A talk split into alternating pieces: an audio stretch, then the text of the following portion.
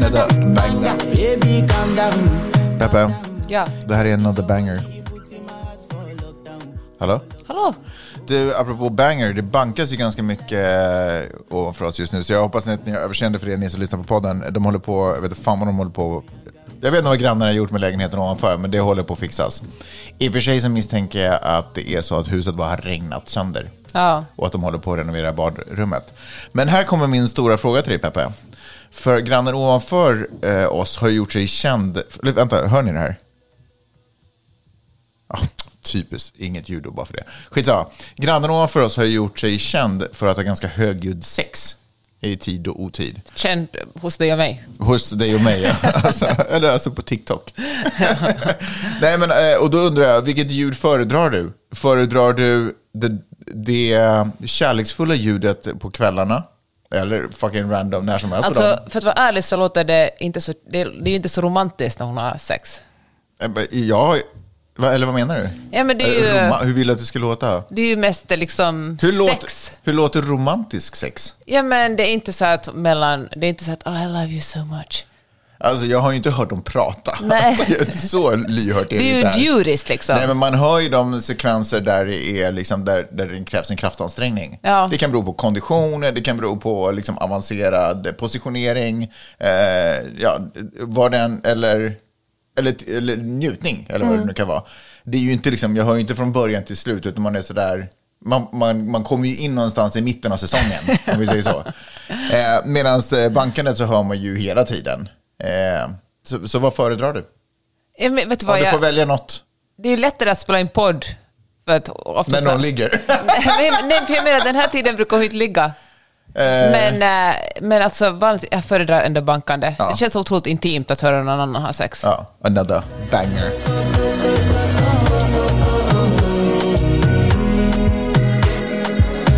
My house, I see me got a small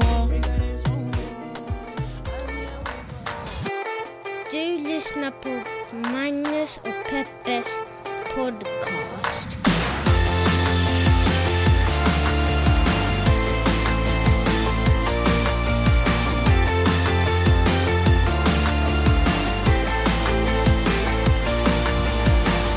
Jabbadabadoo, apropå det, eh, roligt skämt. Eh, varför, vad är det för skillnad på Abu Dhabi och Dubai? Nu ska, jag, du vet ju, jag har ju dragit den här till dig tidigare. Ja, okej. I, I Dubai så eh, gillar man inte Flintstones. Kommer du ihåg den gamla serien? Alltså det här är ett jätte... nu- Okej. But eh, Abu Dhabi do. Åh, herregud, Magnus. Okej. Utvisning eller? Ja, jag kände det. Hörru Peppe, hur är läget? Ja, men det är bra. Förlåt, jag glömde ju dra hela presentationen. Eh, hjärtligt välkommen till podcasten som heter Magnus och Peppes podcast. Du är hjärtligt välkommen, du är hjärtligt välkommen. Du borde kanske lyssna på någon annan podd, men, men du är bakom. Hjärtligt välkommen. Eh, det här är en podcast där vi pratar om stora små händelser i världen. Och så gör vi det ur eh, Peppes perspektiv, mitt perspektiv och ett mediegranskande perspektiv. Eh, vi har hållit på länge. Eh, tror att vi börjar närma oss 400 avsnitt. Tio år har vi hållit på. Ja. Mer eller mindre regelbundet. Mer eller mindre. Vi hade ju en, eh, vi hade en annan podd, ett poddförsök. Vi var ju tidigt, eller vi och vi, du var ju tidigt på den här bollen. Eh, du ville ju börja göra podd redan 2010 tror jag fan att, du, eh, att vi tog vår dator, satte den på högkant för vi hade inga mikrofoner och pratade in i liksom datorns mikrofon i någon form av någonting som skulle föreställa vara en podd. Ja, det var ju kanske inte superbra, men det var tidigt i alla fall. Ja. Och hur blir man bra genom att göra saker jättemånga gånger? Ja, och vi är undantaget som bekräftar regeln.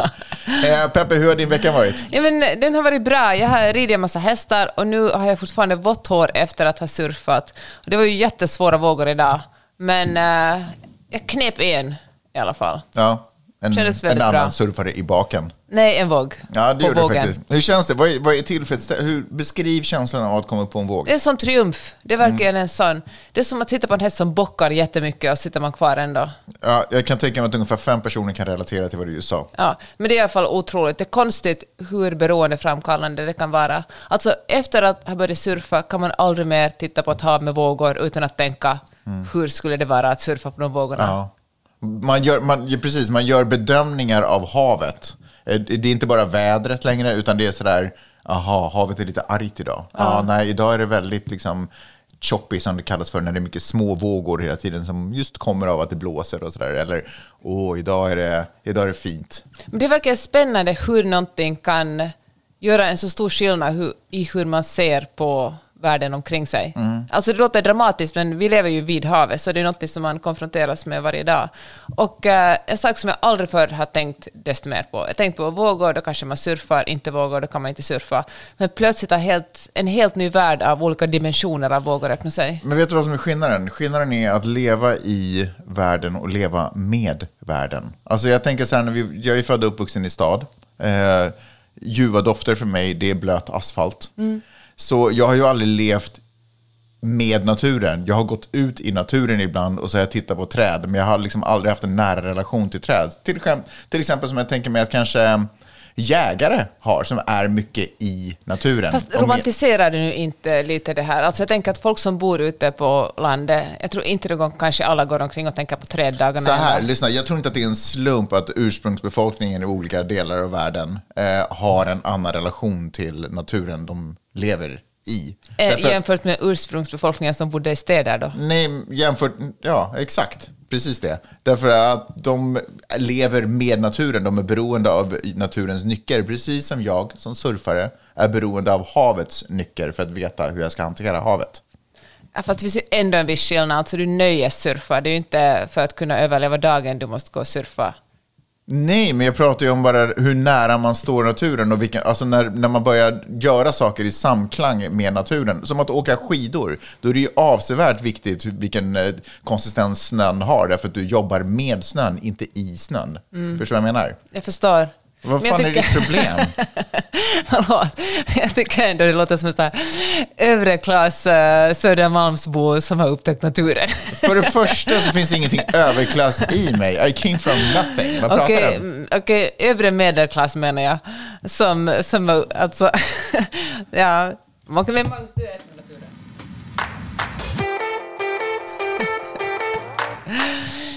Jag skulle tala... Ska vi prata om någonting? Vad fräckt att du gjorde sådär. Det där kan du faktiskt klippa bort. Aldrig. Hör du, eh, jag skulle tala om Tucker Carlson som är en, eh, Eller som vi kallar honom, Fucker Carlson. som en Eller opinions... heter han Carl? Är det R där? Är det Carl- Carlson? Ja, men är det, är det, är det, Carlsson. Tuck, är det Tucker Carlson? Carlson? Ja. Eller är det ett Carlson? Det är ett L där. Det är ett L, så det är Carlson? Ja. Jaha. Han har säkert också svenska ättlingar. Jaha. Mm. Tucker Carlson. Gillar du honom mer genast? Ja, Närhetsprincipen Nej slår nu, till. nej, men nu vill jag åtminstone höra vad han har att säga. Men han har ju varit en av de här, eh, eller han är en av de här opinionsbildarna på Fox News som har, eh, vad sprider ut lögner dagarna ända. Alltså, han säger saker som är osanna, som att valet var riggat, att Trump egentligen borde ha vunnit, till Nej, exempel. Hans gimmick är ju att inte säga hur någonting är, utan han ställer bara inom citationstecken frågor. Ja, okej. Han säger, ställa frågan, Typ som eh, när Putin klev in i Ukraina. Har Putin någonsin gjort någonting mot mig? var en av de frågor som Mm. han ställde. Okej. I alla fall har jag, hela Fox News och, eh, eller jag ska säga opinionsredaktionen som Sean Hannity, Laura Ingraham och då Tucker Carlson varit väldigt mycket på Trumps sida, eller försvarat Trump Mm. Ja, i att valet var riggat. Men gud ja. Och eh, för inte så länge sedan så kom det fram, läckte det några så här sms som hade funnits på Fox News där det visar att, eh, att Rupert Murdoch som äger Fox, han är en av världens rikaste människor, äger bland annat Fox, han eh, inte alls trodde på de här anklagelserna om att Trump hade, att valet var riggat. Och, eh, och Tucker Carlson, Sean Hannity, Laura Ingraham och alla de här stora profilerna, att de visste att så inte var fallet, men eftersom de visste att det engagerade deras tittare så sa de det. De sa att deras tittare ville höra att valet var riggat och att Trump egentligen vann och därför upprepade de det här. Kastar vi oss in i händelsernas centrum, eller gick vi igenom det här förra veckan om vad som var bakgrunden till det här?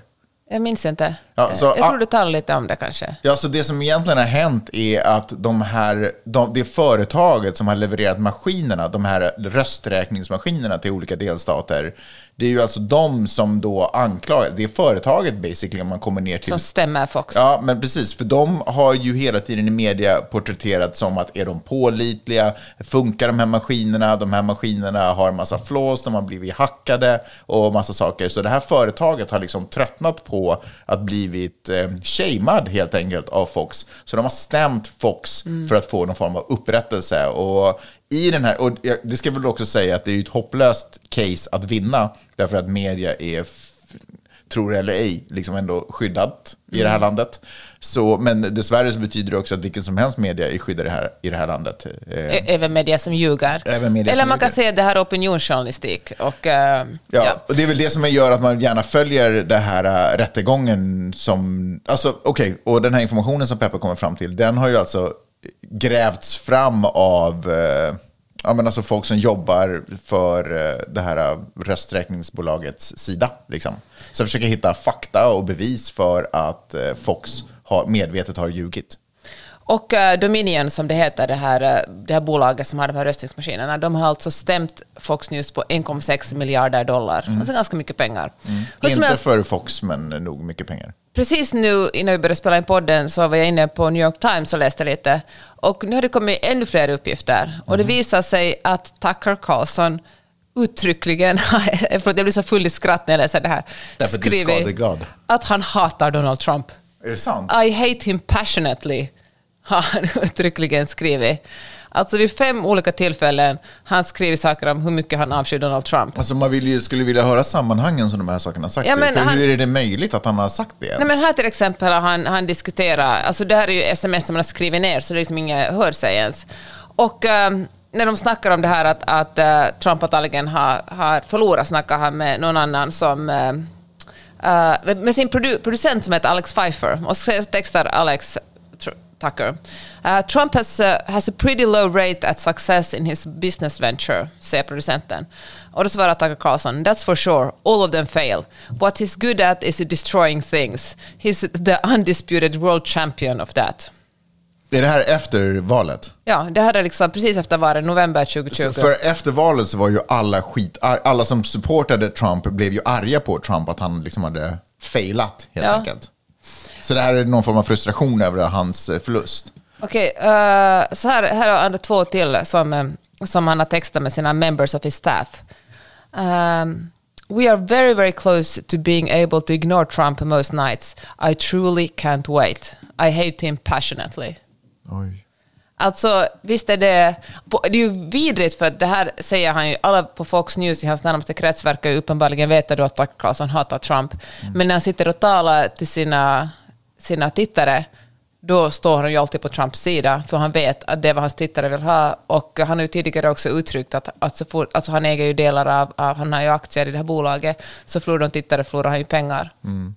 Det är För det var ju precis- fruktansvärt cyniskt. Återigen så vet jag inte om jag upprepar mig från förra veckan eller om vi upprepar oss från förra veckan. Men precis, för det var ju en av de saker som hände när Trump förlorade valet var ju att eh, eh, tittarsiffrorna för Fox sjönk eh, dramatiskt. Och för att tittare övergav Fox till förmån för ännu mer högerextrema nyhets... Som Newsmax till exempel. Inom citationstecken nyhetsbyråer. Ja, och eh, det här började ju med att Fox News var en av de första som gick ut och sa att var det Arizona som de sa att, eh, att Trump hade förlorat i. En delstat som verkligen hade hoppats på att, att Trump skulle vinna. Det är intressant. Alltså jag, jag, jag kommer ihåg när jag kollade på valräkningen. Eh, och jag var chockad över att de gick så snabbt ut. Och nästan gjorde det omöjligt för Trump att, eh, eller sådär uttryckligen, till och med CNN och MSNBC och alla de andra höll på de, en, en del stater, framförallt den då Arizona, som eh, Fox var ganska snabba med att deklarera. Men- Fox tog till och med in, för när de märkte att ingen av de andra nyhetsbolagen hakade på, så tog Fox in den här duden som är ansvarig för eh, de officiella siffrorna på Fox. Och eh, var sådär, men hur är det möjligt att ingen annan har gått ut? Och han bara, alltså för det finns ingen matematisk möjlighet att han kan ta det här. Eh, så det, vi står bakom det här. Och de pressade verkligen honom. Sådär, är det verkligen sant och bla bla bla, och är det här verkligen möjligt? Och han, ja det är klart, han har ju gått ut med det, så han måste ju stå för det. Men, eh, ja, och så, och så blev det ju också så i och för sig. Men eh, alltså det här att, att Tucker Carlson hatar Donald Trump blir ju logiskt också i det sammanhanget. Eller det förstår man ju, för det är ju också Rupert Murdoch som, alltså, som sagt äger äger eh, Fox. För att han var ju väldigt tidig med att han inte kommer att hjälpa Trump i en ny presidentkampanj. Utan tvärtom har han... Rupert? Ja. Jaha. Tvärtom har han eh, till exempel eh, New York Post som en annan tidning, en ganska slaskig tidning, men sen läses ändå av många, som också har en högerlutning som verkligen njuter av att, att, att hata Hillary Clinton och alla möjliga andra, AOC och andra så här demokratiska demokrater. Och eh, ganska fort efter att så gick de ut med, har de gått och bestött Ron DeSantis och skrivit att han är liksom, han är Framtiden. framtiden, för partiet. Och, eh, och jag vet inte om du kommer ihåg, men de hade också det här omslaget med, eh, med Trump och på, Trump på första sidan, där det stod liksom Humpty Dumpty had a great fall, och så hade de liksom gjort en karikatyr av, av Donald Trump som ett ägg. Och eh, så därifrån kommer det inte, det säger jag inte att Trump kommer absolut att uh, alltså vara en, jag tror inte han kommer att vinna, han kommer inte att vinna, men han kommer liksom att, han kommer att ha stöd, han kommer att få pengar, men inte från Rupert Murdochs del. Fox News har vänt honom ryggen. Tror du att de fortfarande har gjort det? Tror att de fortfarande, eller så här, tror du att de kommer att hålla fast vid den linjen? Fan, alltså man vet ju inte. Folk är ju verkligen... Här vänder man ju verkligen kappan efter vinden. Men äh, det är... Fan, jag, vet, jag tror det är svårt för dem att stödja både DeSantis och Trump. Alltså Trump är också så oberäknelig. Men samtidigt så är de ju medgångssupportrar, alltså de går bara på matcher där de vet att det ena laget vinner. Så jag tänker att nu så ser det ju bra ut för DeSantis, men det beror ju också på att Trump inte riktigt egentligen har gett sig in i DeSantis har ju inte ens sagt att han ställer upp.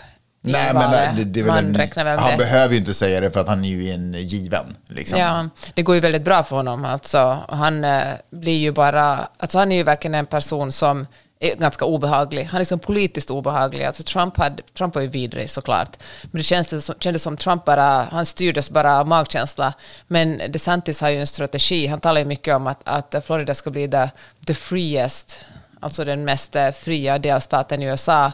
Och i praktiken tar det uttryck att eh, man ska helst inte, eller man ska inte vara gay, man ska inte vara trans, man ska, ja men man ska inte göra abort. Just nu, Florida var en av första delstater som, som drog ner åldern, alltså veckor, när man får göra abort till 15 veckor. Och nu jobbar DeSantis väldigt hårt på att det ska bli bara, vi ska tala mer om det här senare, det bara ska bli sex veckor.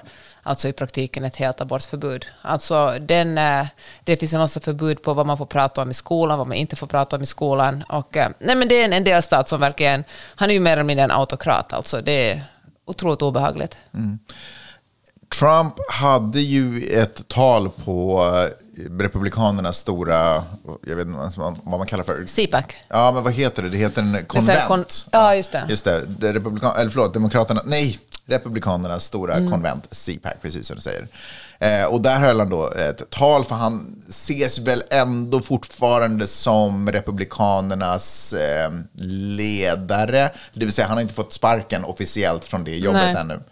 Eh, och eh, då var han ganska, då var eh, liksom en av de stora highlightsen från det var ju att han menade att eh, han kan förhindra tredje världskriget, vilket är ju skrämmande att jag visste inte ens att vi var inne i det. Eh, men jag förstår att vi står, alltså vi leker ju nog med elden eh, där, men han kan förhindra det på en dag. Han kan lösa den här konflikten, förlåt, han kan lösa konflikten mellan Ukraina och Ryssland. Eller nej, han kan, konflikt kändes eh, minim, förminskande Men alla fattar. på en dag, för att han känner dem båda väldigt bra. Eh, han ringer ett samtal. Alltså Zelenskyj orsakade att han blev impeached, Trump. vad sa du? Att Zelenskyj var orsaken till att Trump blev impe- impeached. De Jaha, har ju, det för att sant? han försökte muta Zelenskyj. Ja, ah, just det, just det, just det, just det. Ja, i alla fall, så han, är inte, han har ju inte liksom gett sig in i president på så, sådär, en aggressiv turnerande med massa rallys och sådana saker, men han börjar ju sakta men säkert göra, Trappa sig, göra sig mer hörd. Och han är ju, som vi har konstaterat tusentals gånger, egentligen inte intresserad av att styra ett land eller göra någonting positivt, utan det här är ju en egotripp som han är på. Det Vilket gör att han, han kommer ju skjuta, alltså jag har sagt det förut, popcorn när han börjar skjuta Mm. mot DeSantis. Det som var intressant, eller som påminde mig om att man verkligen inte ska... Alltså, man blir jag känner mig så cynisk, men att Trump gick ut och sa att det har aldrig varit så mycket människor på en, eh, någonsin tidigare på en CPAC, disk- liksom någon som uppträdde på CPAC. Och sen eh, det var så fullt att folk var tvungna att stå. Och sen så är bilder därifrån och det verkligen, de sista stolraderna var helt tomma, alltså folk kom och gick där. Det var, liksom en, det var inte, absolut inte proppfullt, absolut inte ens fullt. Det utan kanske var de sista sekunderna de var där filmades från. Så är det ju på hockeymatcher också, man bara går. Man bara, vi har sett allt vi går. Kanske det. Eh, jag ser i alla fall, alltså, jag tycker det ska, eh, det- och det, det var egentligen det jag skulle komma till. Jag tror att i det ögonblicket när, när de på riktiga, eh, liksom, eh, eh, vad, heter det? Debatterna. Ja, eller nej, när de på riktiga, alltså, alltså det här är ju the land of punchlines. Så den som kommer ha bäst punchlines av Trump och DeSantis är ju den som jag tror kommer få Fox News stöd. Det är det jag försöker säga. Så när, när de på riktigt ger sig in i debatt, när de på riktigt blir så här shots fired, då tror jag att vi kommer få se var Fox News ställer sig. Ja, det ska bli spännande. Ja, verkligen.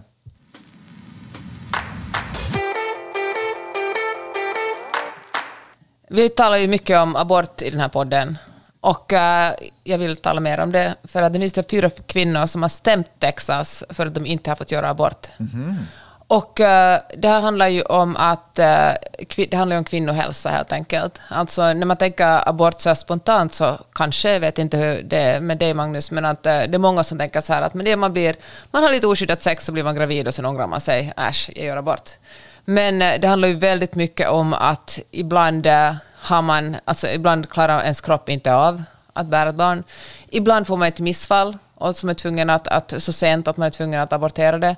Ibland, eh, alltså det finns fall där man, som i det här fallet exempel, där ett, eh, en, en kvinna hade tvillingar och den ena tvillingen dog och den andra tvillingen också skulle dö om de inte opererade bort, aborterade bort den andra. Och, eh, men eftersom det finns så strikta lagar i bland annat Texas, och där, man, och där också läkare kan bli stämda för att utföra abort. Läkare kan bli till och med stämda för att prata om abort, så att vissa läkare har helt enkelt ett kodspråk.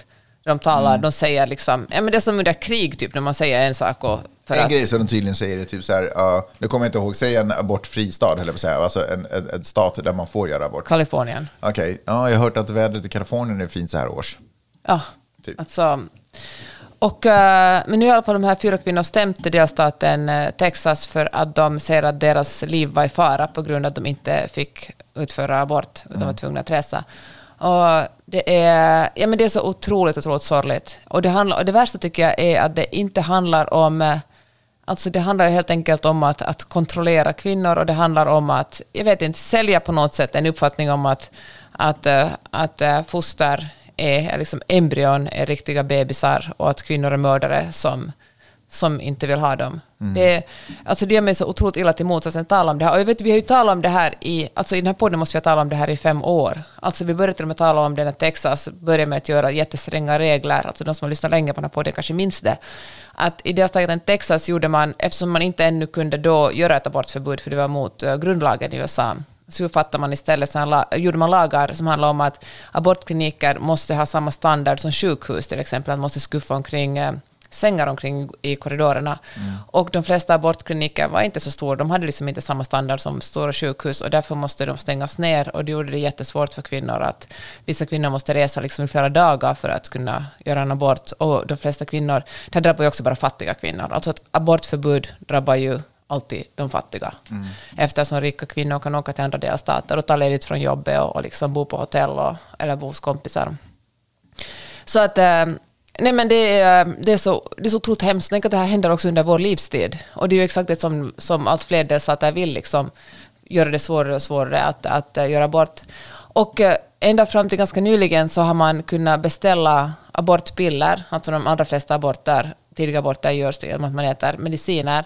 Och eh, Joe Biden försökte göra en lag där det ska vara tillåtet att beställa piller från andra delstater. Och jag trodde faktiskt att den gick igenom. Men eh, nu är det många delstatsguvernörer och liksom som vill signa lagar på liksom lokallagar där det står att de- man inte ska kunna få tag på de medicinerna. Och till exempel apotekskedjan Walgreens, som är typ alltså som Apoteket Hjärtat kanske i Sverige, alltså en, en kedja som finns precis över hela landet, de säger att de kommer inte ens att distribuera de här abortpillren i vissa delstater där det till och med är tillåtet med, med abort. Mhm. Och eh, Kaliforniens eh, guvernör eh, Newsom, han, har ju liksom, han säger att han vill inte jobba med Walgreens längre, han vill inte att de ska finnas i delstaten.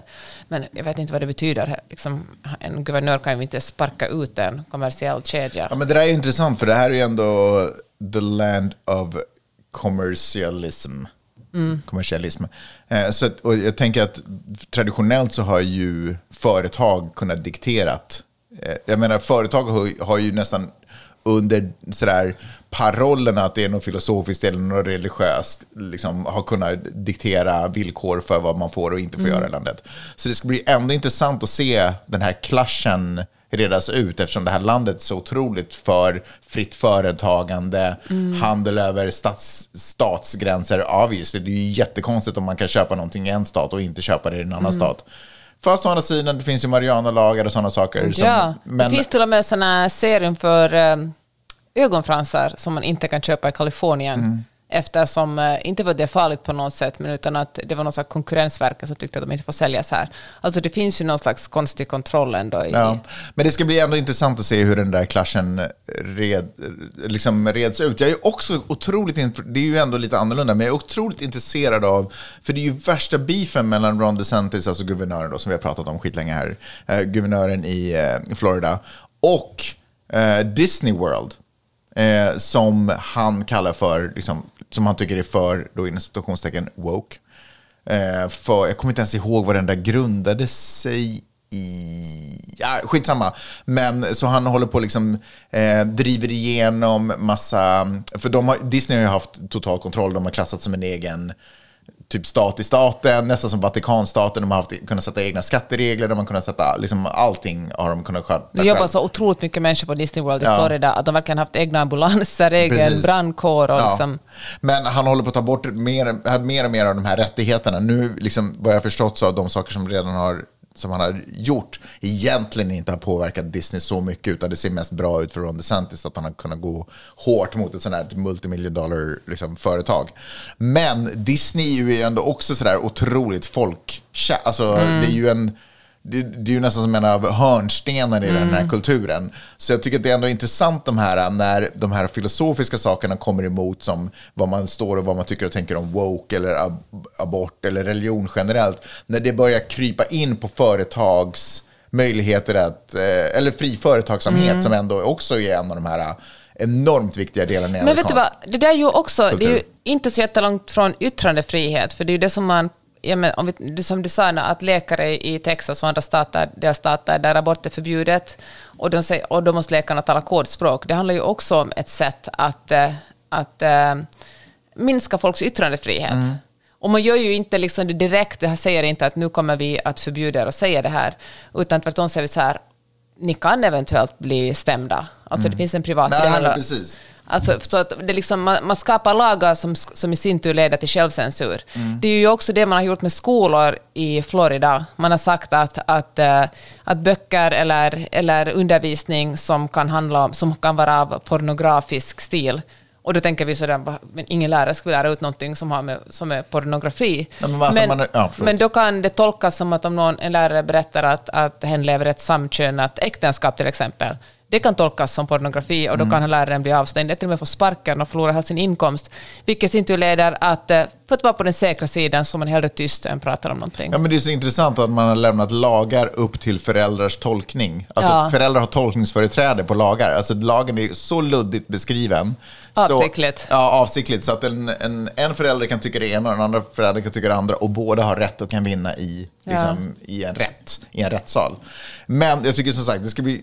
Men, eh, och, och att människor alltid har trampats på, det är ju ingen konstighet. Det gör ju företag här också, bara Mm, verkligen. Amazon, hur de behandlar sina anställda och sådär. Så det är ju, det är liksom, slaveriet har ju på sätt och vis aldrig upphört i det här landet. Det har bara skiftat karaktär.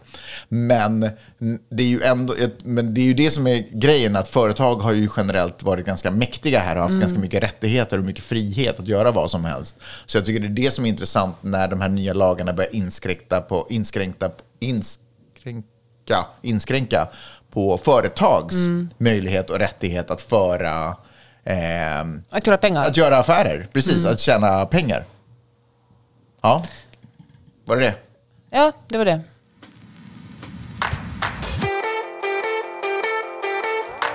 Har du stött på begreppet tradwife?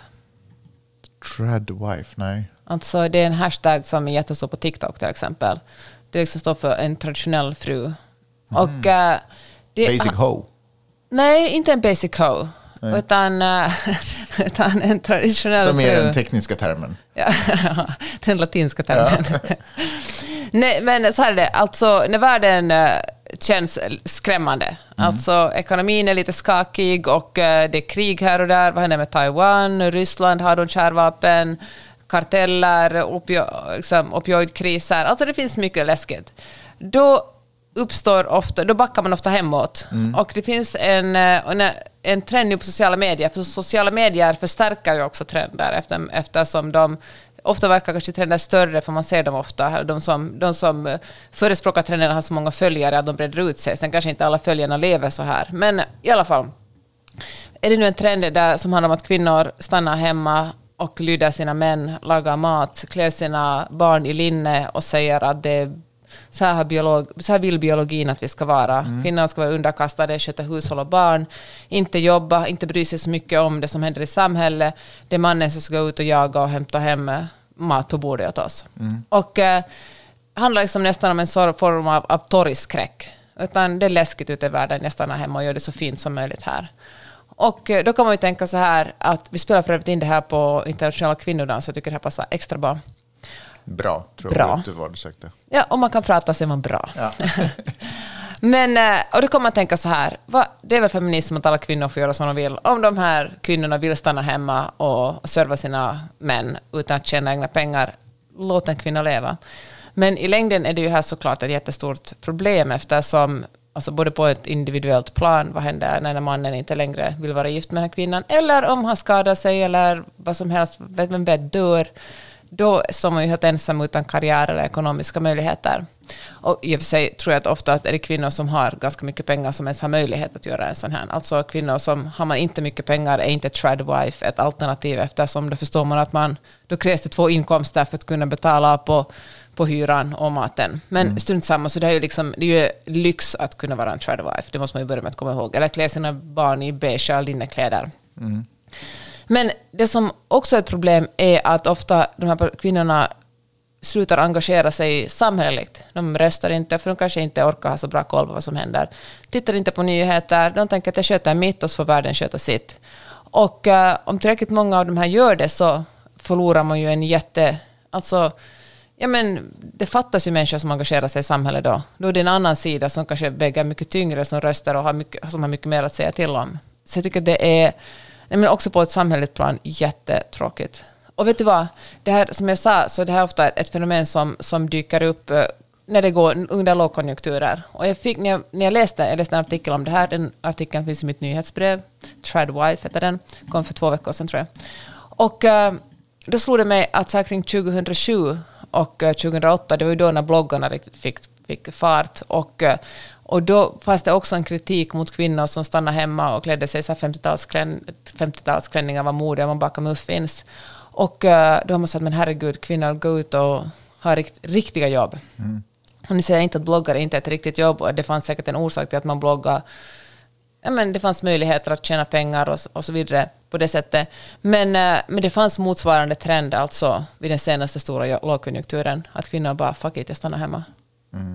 Alltså jag, alltså, det, jag har ingenting emot att folk eh, stannar hemma, eller kvinnor stannar hemma. Men det som är problemet är ju att, alltså, om man inte tjänar sina egna pengar.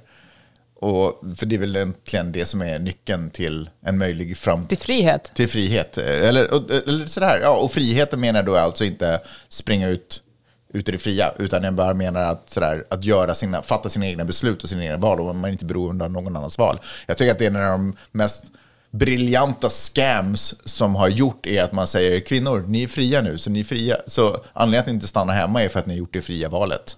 Alltså att man, får, att man täcker in, det är nästan som någon form av så här frihetswashing, att man täcker in gamla rutiner men man säger att det är gjort av egna, det egna valet. Ja, men det där gäller väl också hela skönhetskulturen. Ja, ja, ja, Man bara, det, är lite, det är mitt fria val att, äh, att operera mig eller liksom Ja. botoxa mig. Och, och, Och det är ju inte så att kvinnor vaknar upp imorgon och, och tänkt så här, nu ska jag fatta det här fria valet, utan det, det är ju bara kopior av slogans som finns ute. Ja, från, men också för att vi är en del av en kultur. Det You do you, you be you, be the woman you're supposed to be, be liksom allt det där. Det är ju bara slogans som, som man sen har börjat upprepa själv och så tror man att, man att de kommer från ens eget huvud. Verkligen, alltså det också, men jag tror att det handlar väldigt mycket om att den kultur vi lever i, det är nästan onormalt att inte göra det. Alltså om vi nu hoppar över till liksom Ja, skönhetskulturen. fair. Där kvinnor som inte sminkar sig eller fixar sig, är liksom, man bara, det är liksom inte normen, utan det är något konstigt, det är något Ja. fel med en. Och så det är också det, alltså kvinnor som är snygga, får, det finns forskning som visar att man får bättre betalt, förutom om man är för snygg, för att man uppfattas man som lite dum i huvudet. Man kan liksom inte vara snygg, jättesnygg och smart. Men, om man, men om man är, liksom, klär sig snyggt, är liksom välsminkad, snygg, då går det bättre för en rent karriärmässigt och folk tycker att man verkar trevligare. Än när man gör som en dude och bara liksom stiger upp på morgonen, drar på sig en t-shirt och går ut liksom. Kalle Anka. Min poäng, min po- poäng är att det spelar ingen roll om man, eh, vad man kallar det om man, fortsätter, om man inte ändrat någonting. Om allting fortsätter som det alltid har varit, det spelar ingen roll om man plötsligt nu börjar kalla det för att ja, men det är frihet det här heter som vi lever. Förut hette det inte frihet, utan förut var det någon annan tradition som vi levde efter. Men om vi lever på exakt samma sätt så då har det ingen skillnad vad vi kallar det för. Det spelar ingen roll om vi kallar det för ekologiskt. Nej. Eller, eh, eller miljövänligt eller under, under the stamp of freedom. Det är, liksom, det är inte det, det är bara en chimär. Jag kan bara bli så otroligt provocerad också av den här trad wife-trenden eftersom de som säljer in den är ju som sagt människor som verkligen har råd att stanna hemma. Alltså det kostar ganska mycket att en förälder är hemma. Då måste den andra föräldern tjäna pengar. Eller så måste den föräldern som stannar hemma tjäna en massa pengar på att vara influencer och då har den uppenbarligen ett jobb. Och eh, att sälja in det som att eh, vara en traditionell fru och det är det bästa, att inte engagera, alltså nej, det provocerar mig. Nej, men alltså by all means, alltså om du tjänar pengar på att sälja, alltså det, det enda... Du, Men då säljer man ju något som inte är jo, sant. jo, nej, men det som är problemet är att man gör ju massa andra människor en otjänst som inte kan sälja samma koncept Precis. själva och tjäna pengar på det. Att du gör det by all means, då har ju du åtminstone klivit bort ifrån, men, men du hjälper ju inte andra i samma riktning, utan Nej, för då gör du heller inte exakt det du säljer. Alltså du säljer en sak, men, eh, men det, man säljer ju knappast det där att jag arbetar jättehårt så att min kanal ska bli jättestor och jag ska få supermycket följare. Utan man säljer ju in, kolla jag bakar mitt eget bröd. Ja, verkligen. Med det sagt, följ jättegärna The Podfather underscore Magnus på Instagram och Peppe Peppe Peppe på Instagram. Bara positiva förebilder kan jag säga.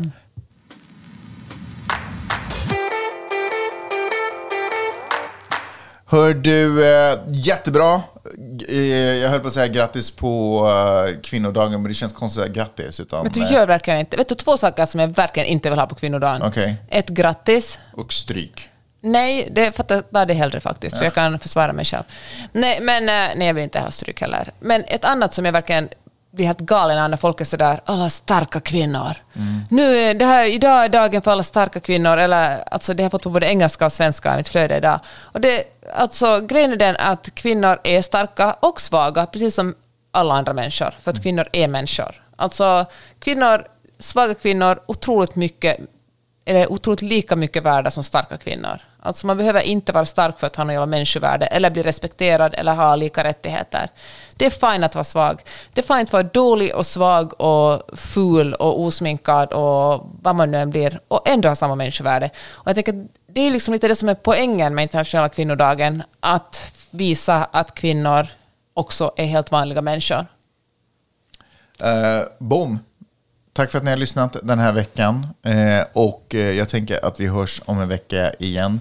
Eh, I väntan på att det avsnittet om en vecka kommer ut så tycker jag att ni ska prenumerera på pepper.substack.com. Ett fantastiskt eh, nyhetsbrev där man hör eh, eller där man kan läsa eh, samma saker som kommer ut ur Peppes mun till vardags, nämligen klokheter.